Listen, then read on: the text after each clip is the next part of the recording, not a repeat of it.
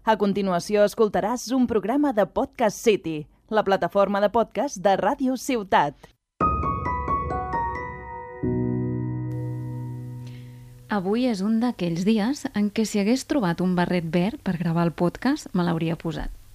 Sí, sí, un barret verd escandalós. I els que em coneixen eh, sorprendrien perquè no pas pel, pel barret en si, sinó perquè en general no és el meu tarannà. Però sabeu què passa quan fa 3 anys que fas un podcast de salut i bons hàbits? Doncs que al final algunes de les coses que comparteixo i aprenc o formen part de la recerca m'acaben calant fins al moll de l'os. Ahir llegint sobre el dia de St. Patrick's Day, el color verd em va captivar, gràcies a que un dels meus nous hàbits ara és estudiar un idioma i així recuperar el silenci mental. Qui m'havia de dir que ho aconseguiria buscant Irish Blessings o benediccions irlandeses i en canvi meditant m'ha estat impossible. De fet, recordo que jo sempre em centrava estudiant. Com ho feu vosaltres per recuperar el vostre centre? El que us dic sempre, no hi ha un remei igual per tothom. Per això, La ciutat que cura és un podcast que construeix cultura de salut. La fem entre tots, per conèixer què i com viu la gent a altres llocs, com s'ho fan per ser més feliços i què han fet per viure molts anys en plena forma. Benvinguts i benvingudes, de nou, al podcast de salut real per persones de cada dia, com tu i com jo, perquè no cal que estiguem malalts per voler estar sants, oi? Jo sóc Mercè Milan, infermera, i la veu de la ciutat que cura. Oi,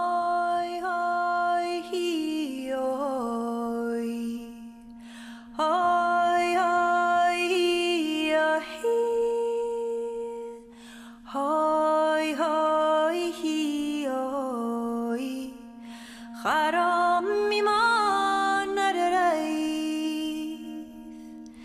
Smedek sy'n jith, sio smedek sy'n jith. Gichegen jan rioch gewil.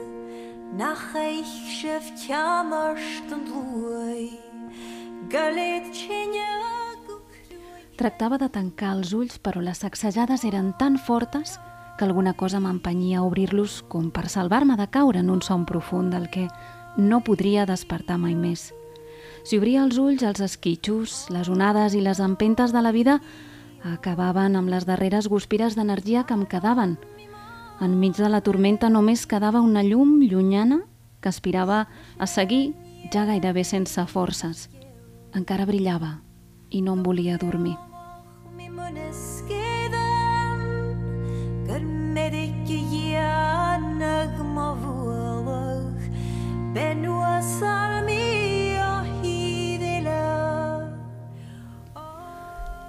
Encara en la foscor de la nit sento la veu que sona rescatant-me de la llunyania per fer-me tornar. Però em desvello i no sé on sóc. Sé que la veu estira la meva ànima, però no sé cap a on em vol portar i de sobte sento que em desplaço com si volés. Estic a Escòcia, a una taverna, on la gent balla picant de peus a terra de fusta i beu cervesa d'ojo. Inverness, a les Highlands. Bratan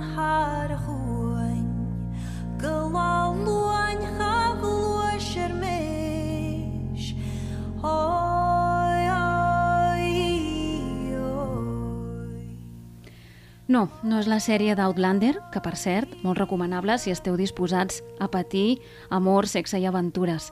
No és Outlander, no. Era el que sentia mentre la febre tenia uns dies semiconscient passant els virus.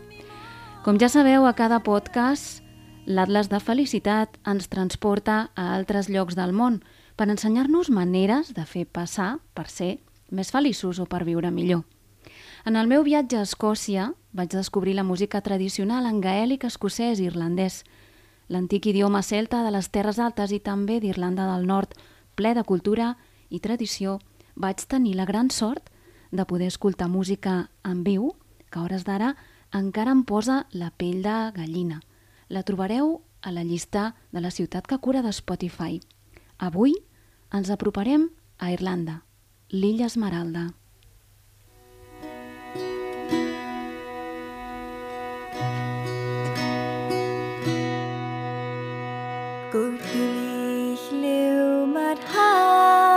mismo piensas y.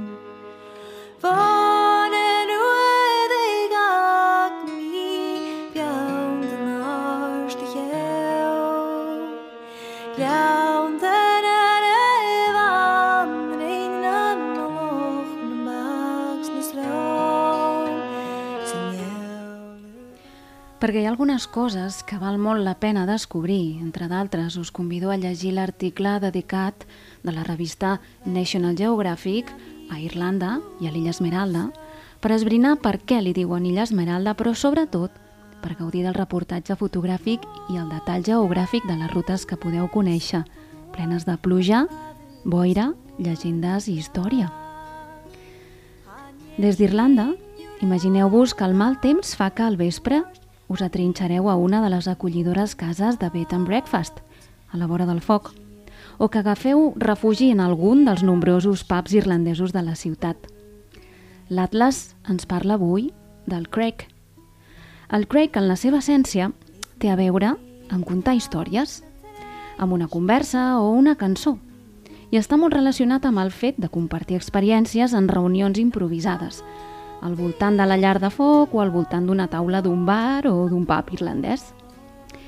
Alguns estudis parlen que l'habilitat de narrar històries que tenen els irlandesos pot fins i tot contribuir a la posició que tenen dins dels índexs de felicitat que ocupen. Sembla ser que quan les persones escolten i s'agrupen per escoltar una narració llegendària o inventada, el sistema nerviós activa certes substàncies que ens ajuden a sentir-nos millor, estar pendents de l'argument i a no pensar en res més. En definitiva, ens hipnotitzen. Potser ara és moment d'apagar teles, mòbils i pantalles i deixar d'escoltar notícies o veure imatges sobre les que no tenim cap poder d'acció ni decisió.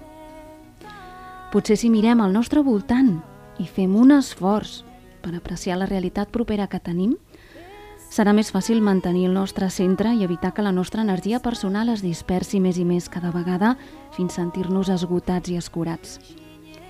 Potser ara, per fer salut, cal fer la por petita per contribuir al benestar de tots i cadascun de nosaltres.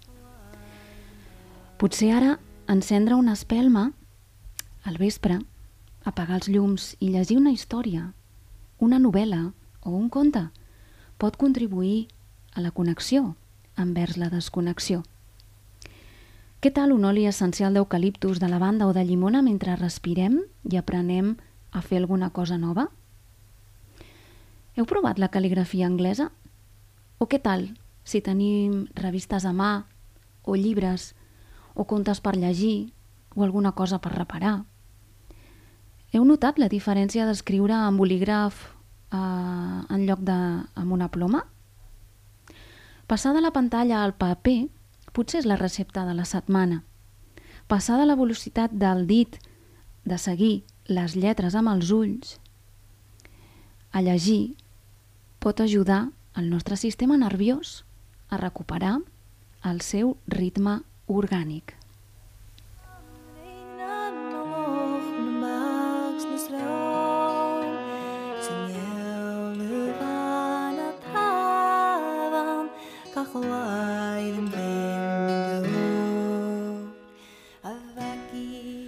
Ritme orgànic, m'encanta, però és que estem tan lluny. Semblaria que amb ajustar els nostres rellotges interns, amb la llum del sol, ja estaríem, no? Doncs serà que no, que el ritme orgànic del nostre cos, amb el de la Terra, diguem que encara està molt fora d'hora. Què tal aprendre un idioma i centrar-nos només en allò? Paraules noves us ajudaran a treure el cervell del bucle, de la velocitat, com el qui va al gimnàs i construeix sinergies musculars cada dia. També pot servir agafar un pinzell i una aquarela i deixar-lo lliscar sobre el full en blanc sense cap finalitat, només la, la d'obtenir una sensació, un color o una textura. Potser t'agrada cuinar i pots preparar un guisat a foc lent per la setmana o potser pots portar-li algú que no cuina mai. Potser et ve de gust seure i escoltar un CD d'aquells que ja no saps ni on posar-lo perquè ja no queden disqueteres, però que encara si l'escoltes et fa connectar amb aquella nostàlgia i amb la pau de moments passats. Acompassar la vida al nostre ritme intern és la qüestió. Sembla complicat, segur, segur que ho és. Però si ja ets capaç d'escoltar un podcast seleccionant-lo tu, en lloc de consumir imatges sense sentit, ja estàs escollint. Enmig de la tempesta, només tu saps quines cordes poden ajudar a sortir-te'n. Només tu saps quin far és el que encara et guia. Fes la prova. Surt del teu entorn habitual i marxa a un lloc net, net entre cometes, un lloc de natura mínimament allunyat de les ciutats.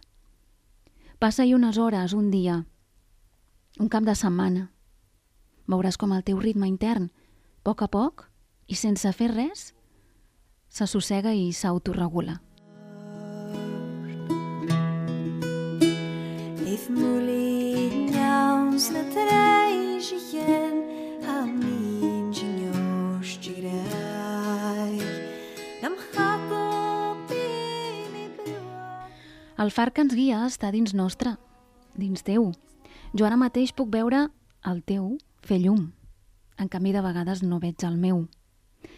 L'aïllament fa que perdem la nostra brillantor perquè és a través dels altres que podem veure el seu reflexe. El 17 de març és el dia de Sant Patrici pels irlandesos i els carrers es tenyeixen de verd i de trèvols de tres fulles, el shamrock, com a símbol, segons Sant Patrici, per explicar la Santíssima Trinitat i també símbol de la bona sort. I em pregunto, no seria que el que ens volien explicar els antics cristians és que la Trinitat és dins nostra, en forma de cos, ment i esperit, i que funcionen com una sola cosa? Per cert, si encara no heu vist la pel·lícula de Maria Magdalena, us animo a veure els darrers 5 minuts. Ella explica molt bé què volia dir Jesús quan parlava del cel. Res a veure amb el que hem entès. I és una llàstima, eh?, perquè la idea era molt bona. Els irlandesos fan de Sant Patrici festa nacional i aprofiten aquest dia per transformar en verd tot el que es pugui. La cervesa és verda i la gresca, en motiu de Sant Patrici, és lomas. Fins i tot poden arribar a tenyir de verd tot un riu si s'escau, pintar-se les cares o posar-se barrets de leprechaun. Però sense oblidar el seu origen catòlic, reparteixen també els Irish Blessings, el que nosaltres anomenaríem benediccions per tothom. Coneixeu el significat de la paraula exposoma? Doncs bé, molt més enllà, paraula nova. Molt més enllà de la genètica, exclusivament, cal considerar la totalitat de les exposicions que ens afecten, tant a nivell ambiental com a nivell intern i extern. L'exposoma ve a ser el conjunt d'influències mediambientals que configuren el nostre estat present i que anem acumulant i rebent al llarg de la nostra vida. Proposta. Què tal si aprofitem el verd i el trèvol de Sant Patrick's Day? Aprofitem el shamrock i escampem benediccions perquè les paraules boniques i els desitjos arribin també fins les nostres cèl·lules i siguin ungüents per guarir ferides? No us podreu resistir, us ho asseguro. Us n'envio alguns exemples perquè viatgin fins allà on sigueu i contribueixin a millorar el vostre exposoma. Que el camí s'aixequi al teu pas i el vent sempre sigui a la teva esquena. Que el sol, càlid, brilli sobre el teu rostre i que les pluges caiguin suaus sobre els teus camps i fins que ens tornem a trobar, que Déu et sostingui a la palma de la seva mà.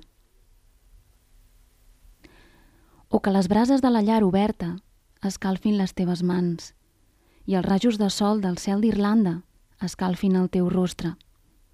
Que els teus somriures brillants dels nens escalfin el teu cor i que l'amor etern que et dono escalfi la teva ànima. Que la pau i l'abundància siguin les primeres en aixecar la balda de la teva porta i que la felicitat sigui el teu hoste avui i sempre. Get you in paz. Om fere mes cantoi a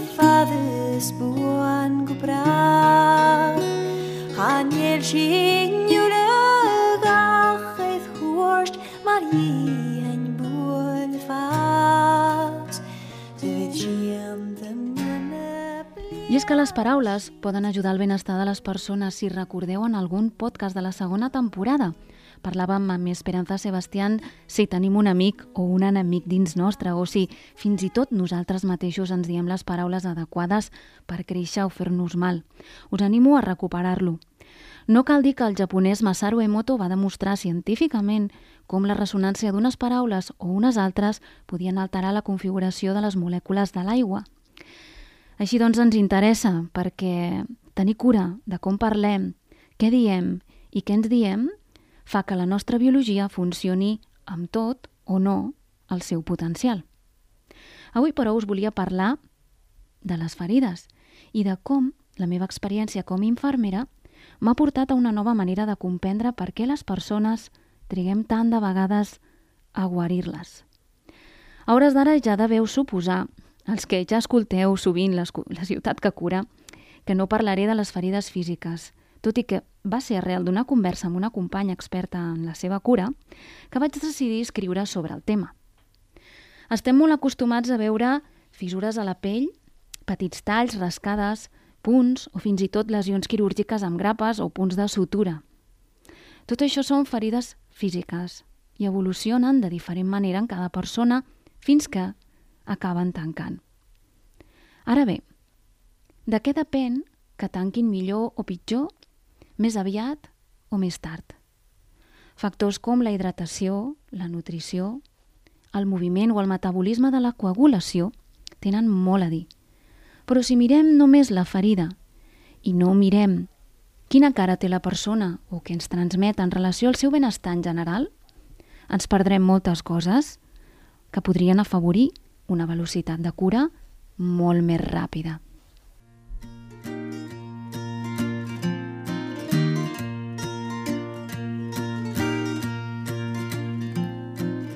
Haben dat mor, haben dat jirum, haben dat mor,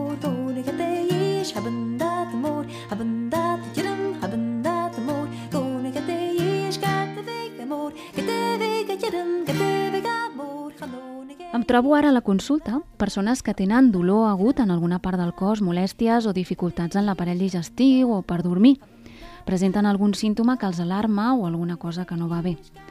És evident que hem de posar fil a l'agulla per guarir aquell símptoma, però el meu paper com a infermera no és guarir el símptoma, sinó acompanyar la persona a descobrir com ha arribat aquest símptoma i com és possible guarir-lo dins del seu context de vida. Ensenyar o acostumar-nos a mirar el nostre cos des de la globalitat porta un temps. Però és com tot, també s'entrena. I ara puc dir que la gent amb qui treballo aprèn ràpid, però també és cert que fa molts anys que s'entrenen. Tenen ganes i disposició per curar-se i el procés d'autonomia en l'autocura està gairebé assolit. Aprendre a cuidar-se no és fàcil, perquè tots pequem d'alguna mancança que, que no sabem veure'ns. I al final, en salut, anem lligats sempre un procés d'autoconeixement i aprenentatge que, per descomptat, inclourà també una sèrie d'hàbits.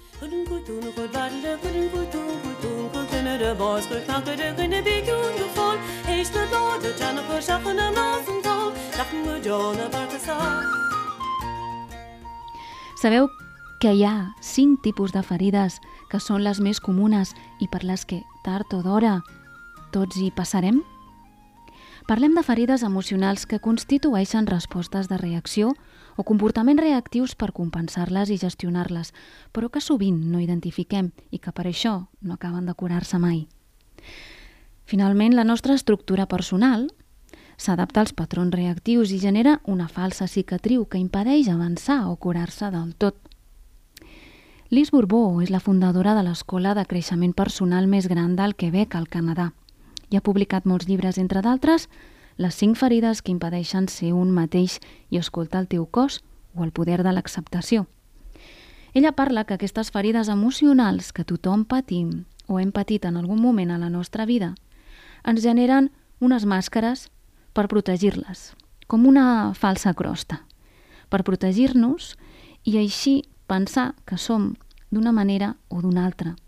Però el que realment fem és reaccionar tota la vida per les diferents ferides que ens han fet en diferents circumstàncies. Tots estem, per tant, una mica allunyats de la nostra essència per alguna d'aquestes ferides? No, no té per què. Hi haurà persones que han tingut més recursos o mecanismes de resiliència que l'han portat a viure en coherència i en pau. Però la gran majoria de persones en algun moment han patit alguna d'aquestes ferides i a dia d'avui reacciona encara amb una màscara sense ser-ne conscient. Lis Borbó parla de la ferida del rebuig, la ferida de l'abandonament, la ferida de la humiliació, la de la traïció i la de la injustícia. En el seu llibre explica com reacciona cada persona de forma global a cada tipus de ferida i resumeix en cinc uns mecanismes reactius a cadascuna d'elles. Així doncs, el rebuig pot transformar-se en un patró evitatiu o fugidís. L'abandonament pot fer que la persona adopti actituds de dependència o un patró més dependent. La humiliació pot degenerar en un patró d'atac i agressivitat. La traïció en una màscara de control i la injustícia en rigidesa.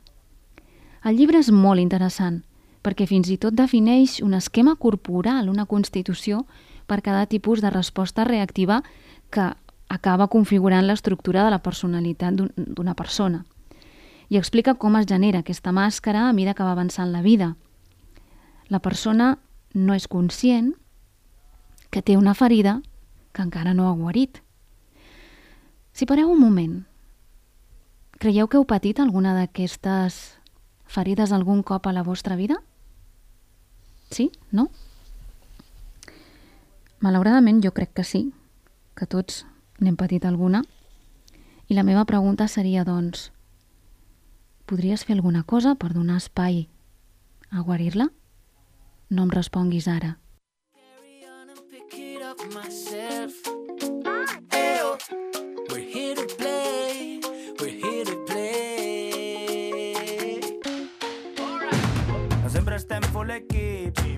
cor a partit, anem a fer-ho bonic. Beautiful. Try again, do it yourself. Beautiful. Si curem, fem-ho bé, no? Comencem a mirar els ulls a les persones i no només la seva malaltia o el seu símptoma. Comencem a sentir i a fer-nos responsables de les nostres històries viscudes. Atrevim-nos a mirar la cara per deixar marxar allò que es pugui, però sobretot per viure una vida més lleugera de càrregues. Cal que aprenguem a escoltar abans de donar un consell gratuït. Cal que ens deixem sorprendre per la particularitat de cadascú i estiguem oberts a entendre que som més que el que veiem, que la salut no és només per fora i que cos, ment i ànima van en un pack.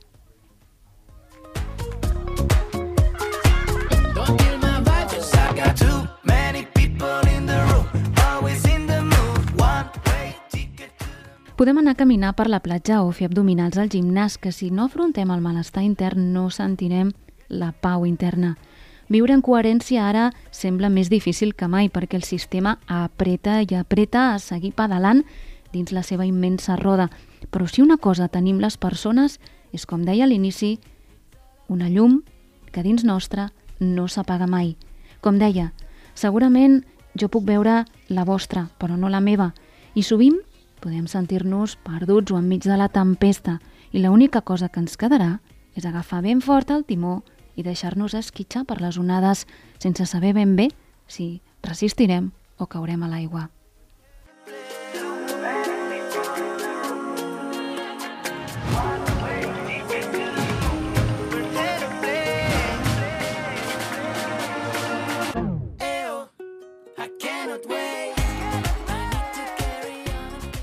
Les persones som fortes i tenim recursos guardats a la nostra memòria resilient. La fe, la persistència, la il·lusió, la fortalesa, la confiança...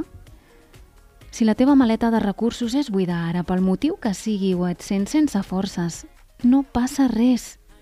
Te'n sortiràs igual, encara que ara no sàpigues com. Demana ajuda o prova alguna cosa nova que no hagis provat abans. Apunta't a piscina, fes aquella excursió o aquell viatge on el teu cos et porta quan t'aixeques, abocant un desig d'escapar. Escapa't!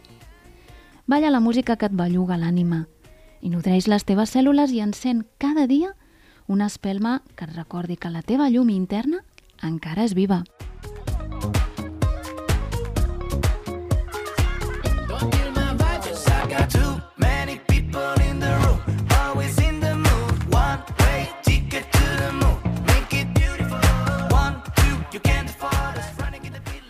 La recepta de la setmana, doncs, ja que hem parlat de ferides, anirà de com fer per guarir-les. Una, tingues molta cura del teu nivell d'energia global. Observa't i valora si estàs com t'agradaria estar, però sobretot, observa quan tens energia sobrera i quan no, per tal de fer-ne un bon ús. 2. Acostuma a escoltar-te i a respectar-te, a parar i a descansar quan sentis, no només quan toqui o quan sigui l'hora. 3.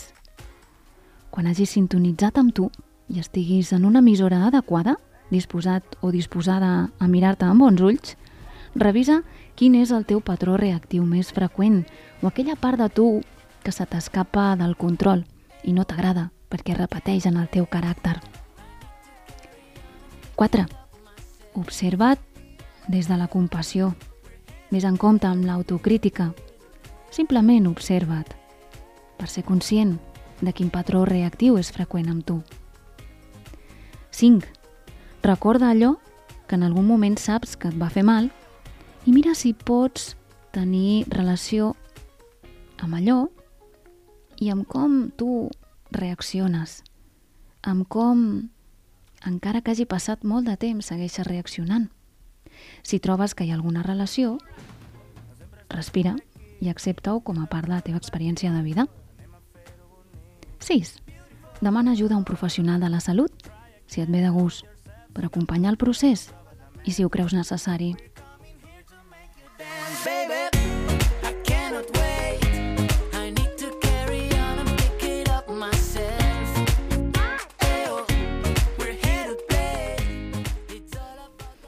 Pots escriure un diari o simplement un recull de com ets i de com t'agradaria ser, què voldries alliberar, canviar i transformar i quins trets t'agradaria millorar o incorporar. 8. Et deixo algunes suggerències de llibres que et poden ajudar a aprofundir en el procés i a pacificar-te interiorment. Pren nota. Tómate un café contigo mismo del Walter Dressel. Cuestión de confianza de Russ Harris. Metahumano del Depra Chopra. Una nueva felicidad del Curro Cañete Editorial Planeta.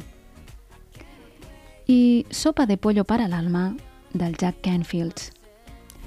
I el que hem anomenat durant el programa, les cinc ferides que impedeixen ser un mateix de l'Alice Bulbo. Cause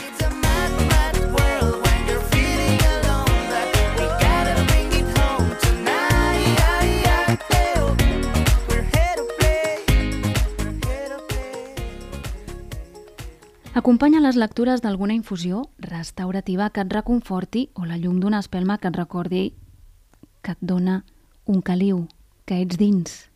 Els detalls amb els que et tractes són molt importants. Si tens habilitat o curiositat per tocar algun instrument, no esperis més, fes-ho. Aprendre augmentarà les connexions neuronals i millorarà el teu estat d'ànim. No et rendeixis amb el saxo, no et rendeixis amb el piano, no et rendeixis a la primera. Pot servir-te aprendre un nou idioma o reemprendre el que ja tenies oblidat. Les llengües activen l'hemisferi dret i l'hemisferi esquerre de manera que són ideals per centrar la ment i concentrar la nostra energia. Proveu-ho. Per acabar, només dir-te que seré a l'altra banda, que entre mig avui hem parlat i hem viatjat a Irlanda i hem escoltat música celta molt antiga i que el verd de l'illa d'Irlanda i el color del dia de Sant Patrici és també el color de la salut, de la primavera, de l'element fusta i del creixement i l'expansió. Són moments estranys, però precisament per això la ciutat que cura no t'abandona i reformula salut cada dia, cada podcast, perquè entre tots puguem trobar les fórmules que ens porten al camí del benestar. Un iris blessing. A veure si el dic bé. Life is like a cup of tea. Is all in how you make it. La vida és com una tassa de te. Tot depèn de com te la prenguis. Posem-nos el barret verd dels leprechauns, els follets irlandesos que amaguen el tresor al final de l'art de Sant Martí i el canvien de lloc cada vegada perquè ningú el trobi. Posem-nos el barret per riure una mica més, per encoratjar-nos i fer salut verda, per valorar el planeta on som i fer-nos tot una mica més sostenible. Ara toca sentir, sentir del cor i reunir la nostra energia per viure en coherència. Good on you!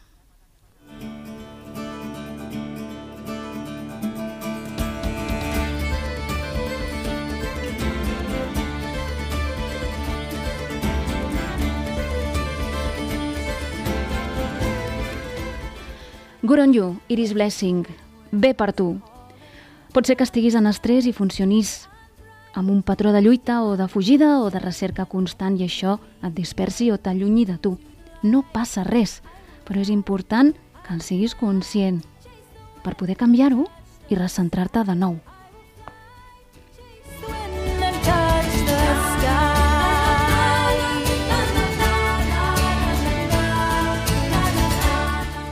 És temps de tancar ferides antigues de llaure per fer créixer noves llavors, noves cits i portar una vida senzilla. Senzilla vol dir bàsica, però bàsica vol dir començar per tu, per tu mateixa, per tu mateix.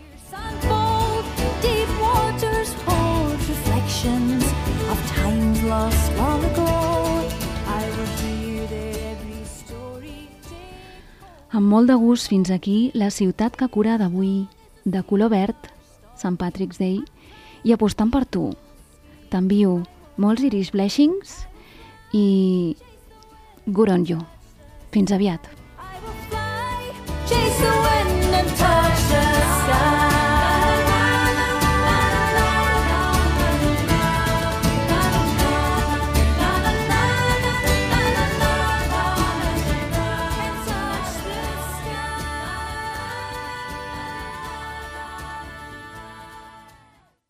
Has escoltat un programa de Podcast City, la plataforma de podcast de Ràdio Ciutat.